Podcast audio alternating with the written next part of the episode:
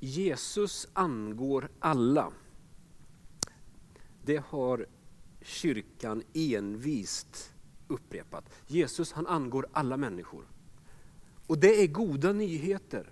Jesus vet vem du är och han vill oss alla oändligt väl. Alltså han är så mån om att vi ska ha det väl. Han, han satsar så helhjärtat att han till och med ger sitt liv.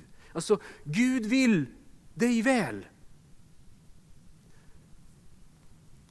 Han kom till oss. Jesus kom och han vill ställa allt till rätta. Han vill läka det som är trasigt, han vill lyfta upp den som är nedslagen, han vill omfamna den som är bedrövad.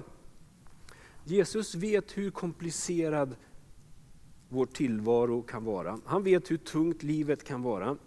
Frånvaron av tro, frånvaro av hopp och kärlek leder till katastrofala följder i vår värld, men också i våra liv. Frånvaro av tro, hopp och kärlek tar oss in i ett mörker. Men Bibeln och kyrkan vittnar trotsigt om att ljuset lyser i mörkret. Jesus är världens ljus och han kommer med ljus, med hopp, med värme, med frid. Han kommer med kärlek. Han kommer med glädje. Du är inte ensam.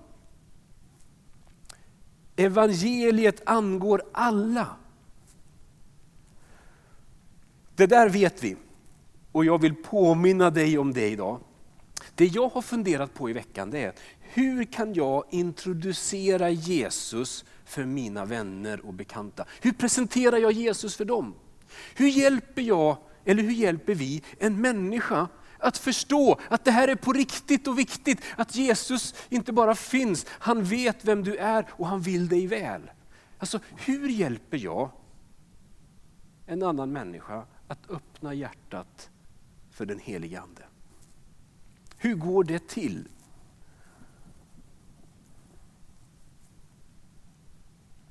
Det hade ju varit lite kul att göra den här gudstjänsten en slags workshop med ett blädderblock och whiteboardpennor och grejer. Men det gör vi inte. Men hur, alltså om du har någon du bryr dig om, hur kan vi presentera Jesus?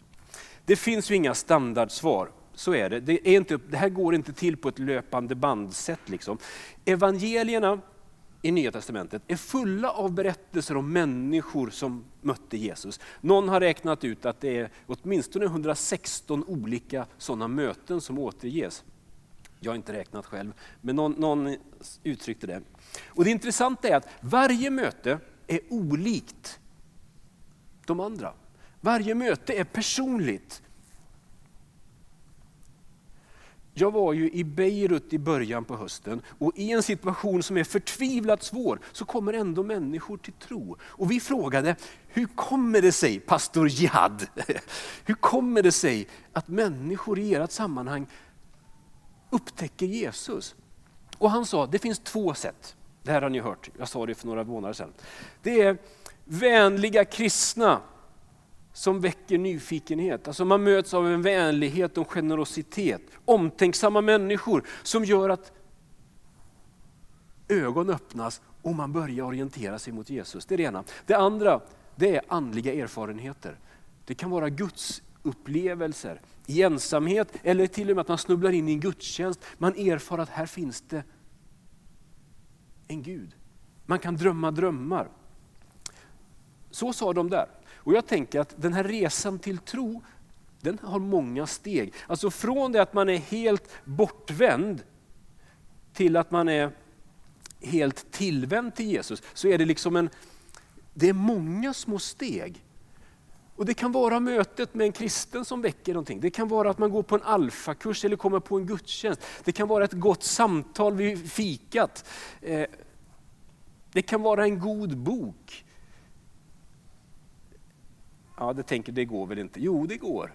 Eh, det finns så många sätt som man kan ta steg för att orientera sig emot Jesus. Men det finns en sak som är helt omisslig. skulle jag ändå säga, och det är bön. Bön är på något sätt nyckeln som öppnar dörren till en värld med Gud. Och om och om igen i Bibeln står det att var och en som åkallar Herrens namn, Jesus, ska bli räddad. Den som vänder sig till Jesus, viskar eller ropar hans namn, kommer att uppfatta att här är det som en nyckel som sätts i en dörr. Bönen öppnar upp.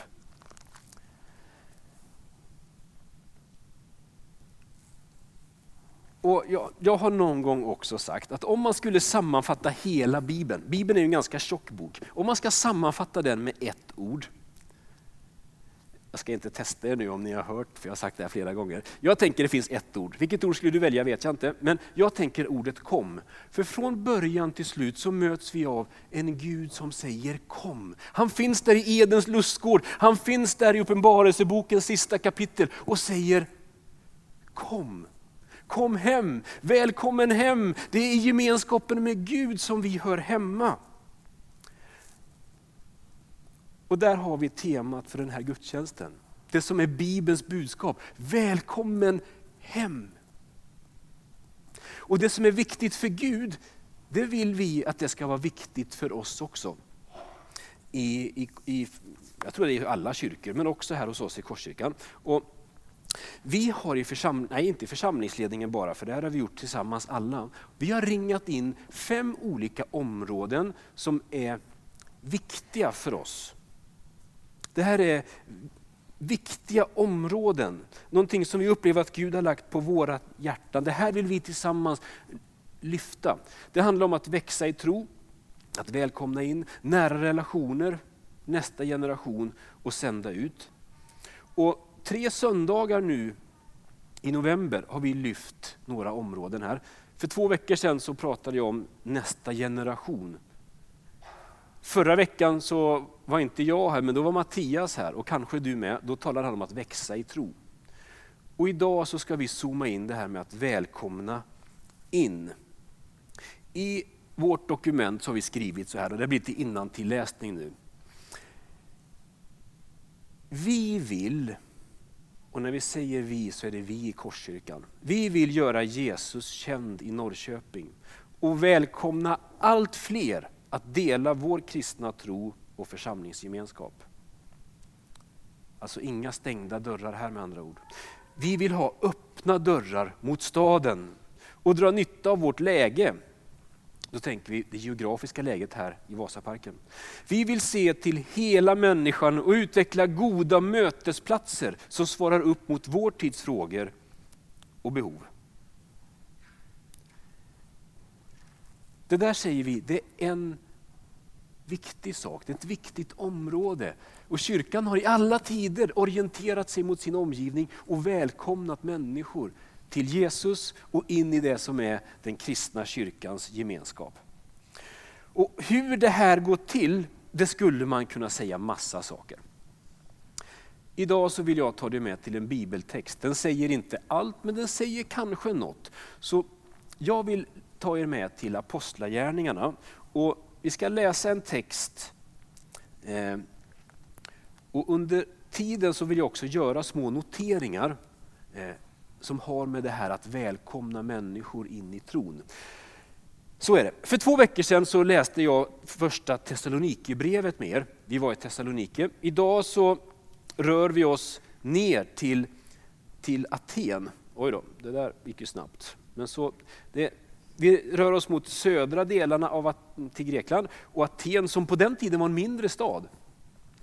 Men det här är en historisk plats, verkligen. Eh, på grund av oroligheter uppe i Thessalonike så tvingas Paulus, Silas och Barnabas, Ananias var inte med där, men eh, var, de hade det bra men det blev jobbigt och de fick ta sig till en lugnare plats. Och, och nu skulle jag vilja läsa mer Eh, från Apostlagärningarna kapitel 17. Det blir lite läsning idag. Vet du vad, vi ställer oss upp så får du lyssna och stå samtidigt. Sträck på dig och så ska jag läsa från Apostlagärningarna 17, vers 14 till 21. Bröderna, det var gänget uppe i Thessalonike. sände då genast iväg Paulus ner mot kusten. Men Silas och Timoteus stannade kvar där. Paulus vägvisare förde honom ända till Aten och vände sedan tillbaka med besked till Silas och Timoteus att komma till honom så snart som möjligt. Medan Paulus väntade på dem i Aten blev han upprörd i sin ande när han såg hur full staden var med avgudabilder. Han samtalade därför i synagogan med judarna och med dem som vördade Gud och dessutom varje dag på torget med dem som han träffade där. Även en del filosofer, både epikureer och stoiker, diskuterade med honom. En del sa, vad vill den där pratmakaren säga? Andra sa, ja han verkar vara en som förkunnar främmande gudar. De sa så eftersom han predikade evangeliet om Jesus och uppståndelsen. Och de tog honom med upp till Areopagen och sa, kan vi få veta vad det är för en ny lära du förkunnar? Det är märkliga ting du låter oss höra. Nu, nu vill vi veta vad det rör sig om. Alla atenarna, liksom utlänningarna där, ägnade nämligen all sin tid åt att tala om och lyssna till det som var senaste nytt. Så lyder Guds ord idag. Och vi ber Jesus att du genom bibeltexten skulle tala in i våra liv idag. Jag ber för alla som sitter i det här rummet och lyssnar nu. Kom helige Ande och tala till våra hjärtan. Amen.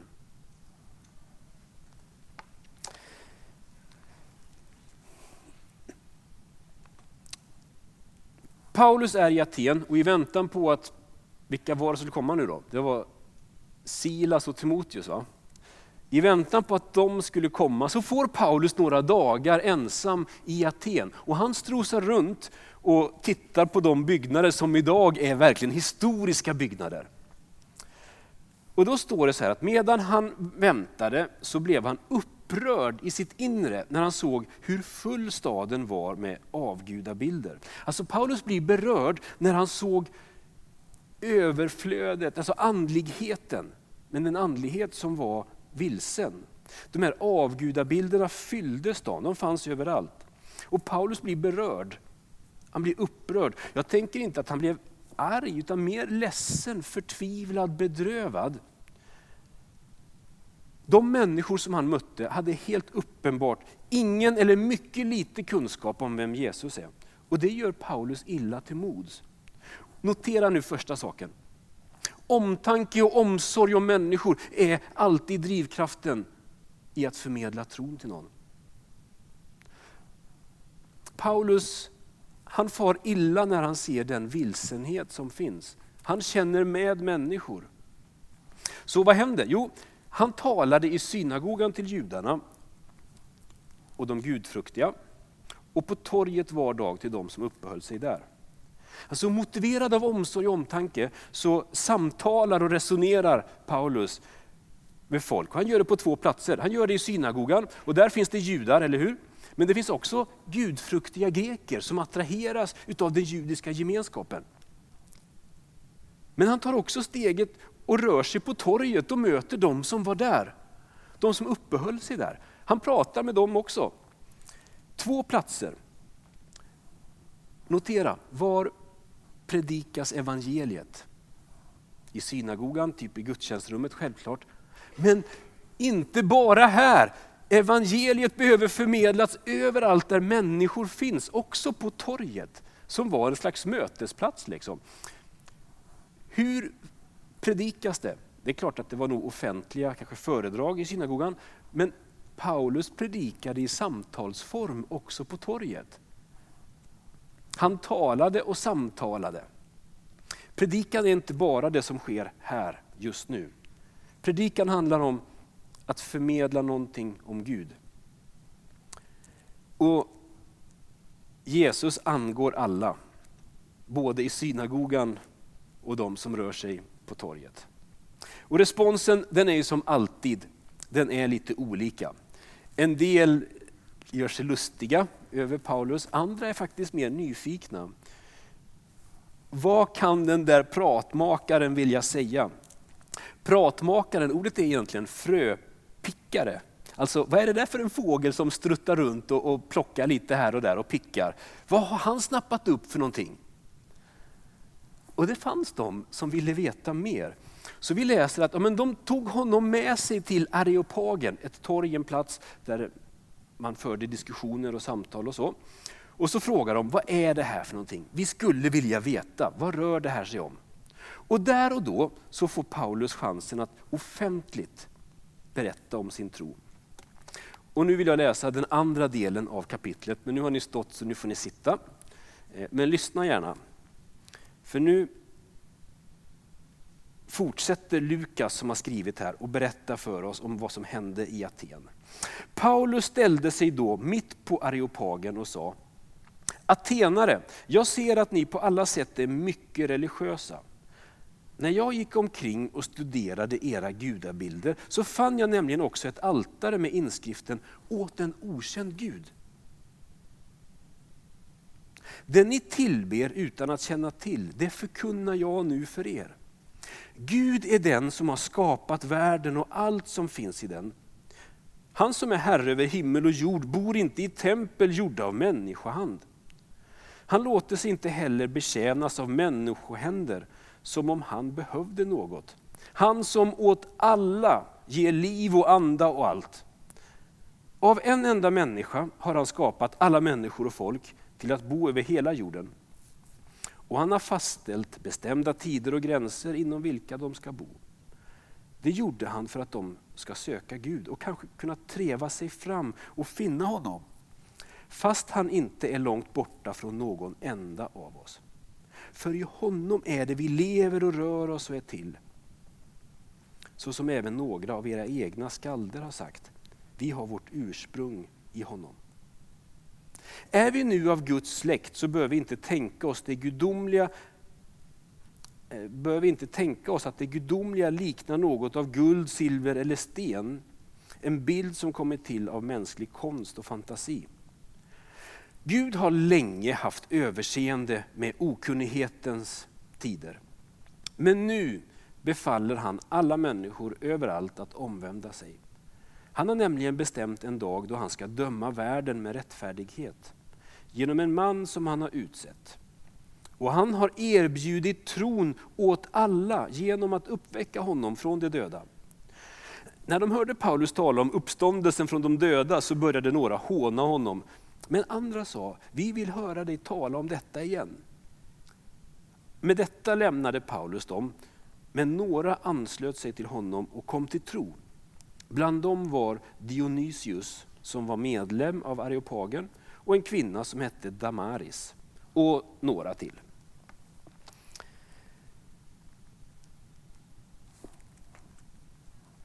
Jag klockade mig själv just innan gudstjänsten. Det där tog mig en minut och 23 sekunder att läsa. Det är ju en sammanfattning såklart. Paulus hade ju mycket mer tid. Men, men Lukas har återgett liksom huvudpunkterna i det Paulus sa. Och lyssna, en till notering nu om hur evangeliet förmedlas. I Apostlagärningarna så brukar Paulus som vanligast möta människor i synagogan. Och då är det judar. Och när han talar till dem så börjar han alltid i Gamla Testamentet. Han citerar de heliga skrifterna och visar att Jesus är Messias. Men här är han i ett annat sammanhang. Han är inte i synagogan, han är på ett torg i Aten. Han talar inte till judar utan till greker med en helt annan förförståelse. Och Paulus har en annan approach, ett annat sätt. Alltså han, han talar på ett helt annat sätt. Han citerar grekiska poeter. Han talar om byggnader som finns i stan. Han talar om andlighet i allmänhet. Det här blir jättetydligt när man läser Apostlagärningarna. Ser du? Paulus han anpassar sig till sammanhanget där han finns. När evangeliet ska förmedlas så måste det kontextualiseras. Det behöver anpassas för att nå fram och vara relevant för den och de människor som lyssnar. Eh, och Paulus gör det här påtagligt och det har kyrkan utmanats att göra i alla tider. Att transponera om sången så att den går att sjunga med dem jag möter. Paulus han återger eh, den här Nej, Lukas återger Paulus predikan. Och det Paulus gör, det är att han börjar inte med att fördöma hur galet det är med alla avgudar. Nej, han börjar med att knyta an, att koppla an till dem han talar med. Han vet att i varje kultur och i varje människa så finns det sånt som vi kan bejaka och heja på. Och han säger, när jag, jag ser att ni på alla sätt är mycket religiösa, alltså ni bryr er om det andliga. När jag gick omkring och studerade era gudabilder så fann jag nämligen också ett altare med inskriften åt en okänd Gud. Där tar Paulus sin början. Han knyter an till atenarnas andliga längtan. Han utgår från att vi alla bär på en gemensam längtan efter Gud. Det finns någonting i vårt inre som inte nöjer sig utan manar oss att söka Gud. I Saltaren till exempel så läser vi, sök Herren manar mitt hjärta. Någonting i hjärtat manar oss att söka Gud. Och den där inre maningen eller längtan, den kan under perioder dämpas och tryckas undan. Men så emellanåt så blir vi alla påminda. Det kan ske när vi är ensamma, kanske på kvällen när det blir lugnt. Den där längtan efter Gud kan göra sig påmind i en livskris. Eller lika gärna i mötet med fantastisk musik som berör oss. Alltså plötsligt och oväntat så öppnar sig ett fönster mot en större verklighet. Och vi anar att det finns någonting mer, det finns en större dimension i livet. Det finns något som jag inte känner till. Det där knyter Paulus an till och säger, vi bär på en gemensam längtan efter Gud. Det där som ni längtar och sträcker er efter, det har jag någonting att säga om. Ove Wikström som är, har varit religionspsykolog, han säger att din inre längtan tolkas i kristen tradition som ett uttryck för människans fundamentala hemlöshet utan Gud. Din inre längtan säger något, den talar om något, om att utan Gud så är vi hemlösa. Och Peter Halldorf han säger, saknar vi platsen vid Guds hjärta så kommer vi oupphörligen att söka substitut, ersättning för den platsen i världen. Vi kommer söka tröst och frid och glädje på andra håll. Det som ni alltså dyrkar, säger Paulus, utan att känna till, det är vad jag vill prata med er om. Och så pratar Paulus om Gud, om människan och livet här och nu. Och jag tänkte ge er liksom Paulus huvudpunkter. Han säger, Gud är inte okänd, han har uppenbarat sig. Alltså Paulus inte bara bejakar atenarna, han utmanar och korrigerar deras tänkande och säger att Gud är uppenbarad. Visst, vi kan inte tänka oss fram till Gud. Vi ska inte föreställa oss det gudomliga som någonting av guld, silver och sten. Som något en människa har format med sina idéer. Nej, Gud har uppenbarat sig. På egen hand så famlar vi runt i mörkret i okunskap, men Gud har själv valt att träda fram och uppenbarat sig. Det går att veta vem Gud är. Och Paulus och kyrkan och Bibeln säger, se på Jesus. Han förklarar för oss. Gud har uppenbarat sig. Och den Gud som vi är kallade att leva i gemenskap med, är den som har skapat allt. Han är vårt ursprung. Han är skaparen av och herre över universum. Gud som har skapat världen och allt den rymmer, han är herre över himmel och jord. Så livet är mer än en tillfällighet, än en slumpmässig process. Bakom vår värld finns det en personlig Gud som har en tanke och en vilja med våran värld. Och med mitt liv, med ditt liv.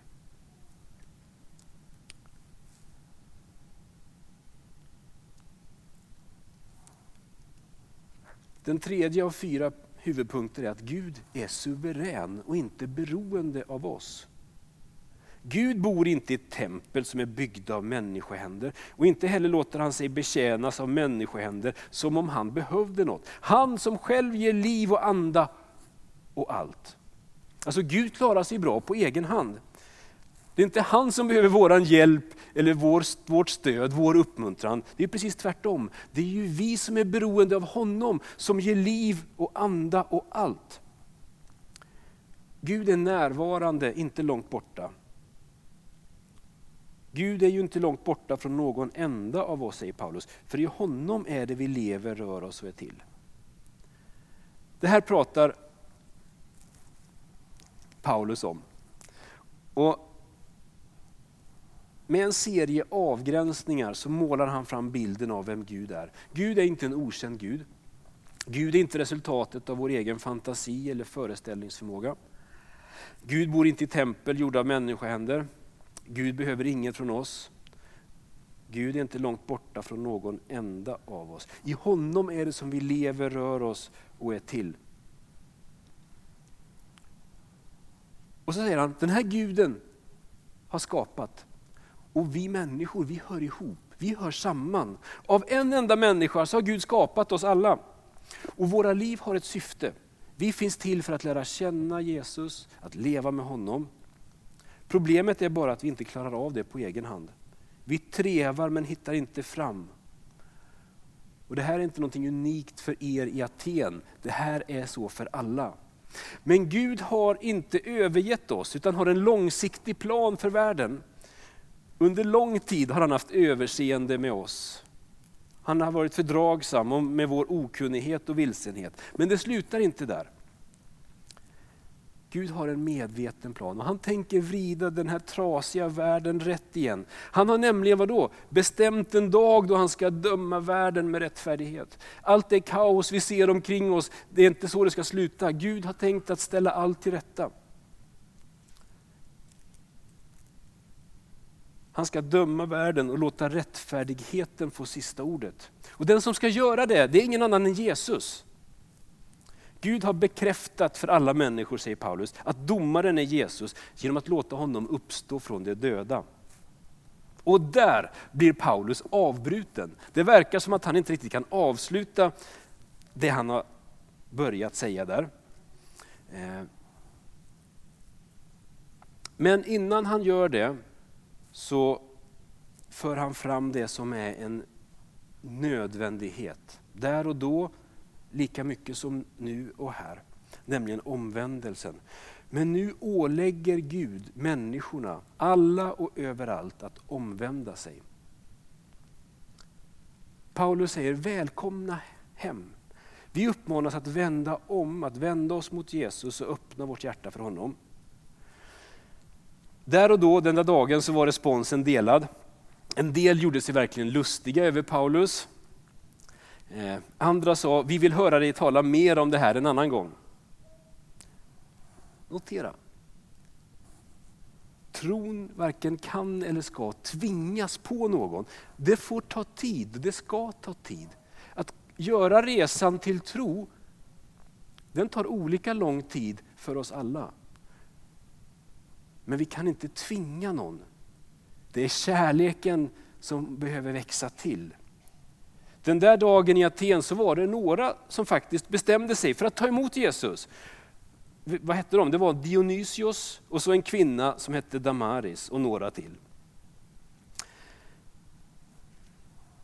Jag vet inte vad du har för relation till Jesus och det spelar faktiskt ingen roll. Det jag vet det är att Jesus finns hos dig och att han inbjuder dig att omvända dig. Det behövs en daglig omvändelse. Att få vända sig mot Jesus, orientera sig mot honom. Och Paulus han både uppmanar och utmanar oss att bejaka den där längtan efter Gud som finns i våra hjärtan. Våga tro, våga be. Vi sjöng, jag skulle vilja våga tro. Jag tror att den längtan finns hos oss. Och det behöver inte vara så krångligt. Det handlar om att vända sig mot Jesus och be. Och det får vi göra i varje gudstjänst, också den här. Elin, välkommen fram och led oss i några lovsångskörer när vi nu ska be och lovsjunga tillsammans. Våga omvända dig. Våga be. Våga ta ett steg. Välkommen fram hit till korset där det finns en plats för enskild bön. Där man kan tända ett ljus och be Gud lysa upp våra liv och våran värld. Välkommen också ner till vår böneplats där Inga-Märta och Nomi idag finns och ber med dig. Ta den möjligheten att någon av de här fina kvinnorna faktiskt ber om Guds välsignelse över ditt liv. Och så var du än är så får du vara med och sjunga och be. Och Elin kommer att leda oss. Tack Jesus att vi inte är långt borta från dig.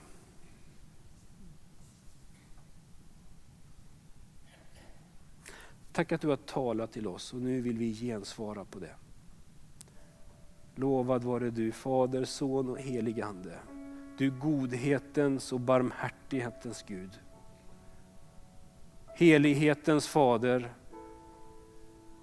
vi kommer till dig, tackar dig för din son Jesus Kristus som gick i döden för vår och världens frälsning.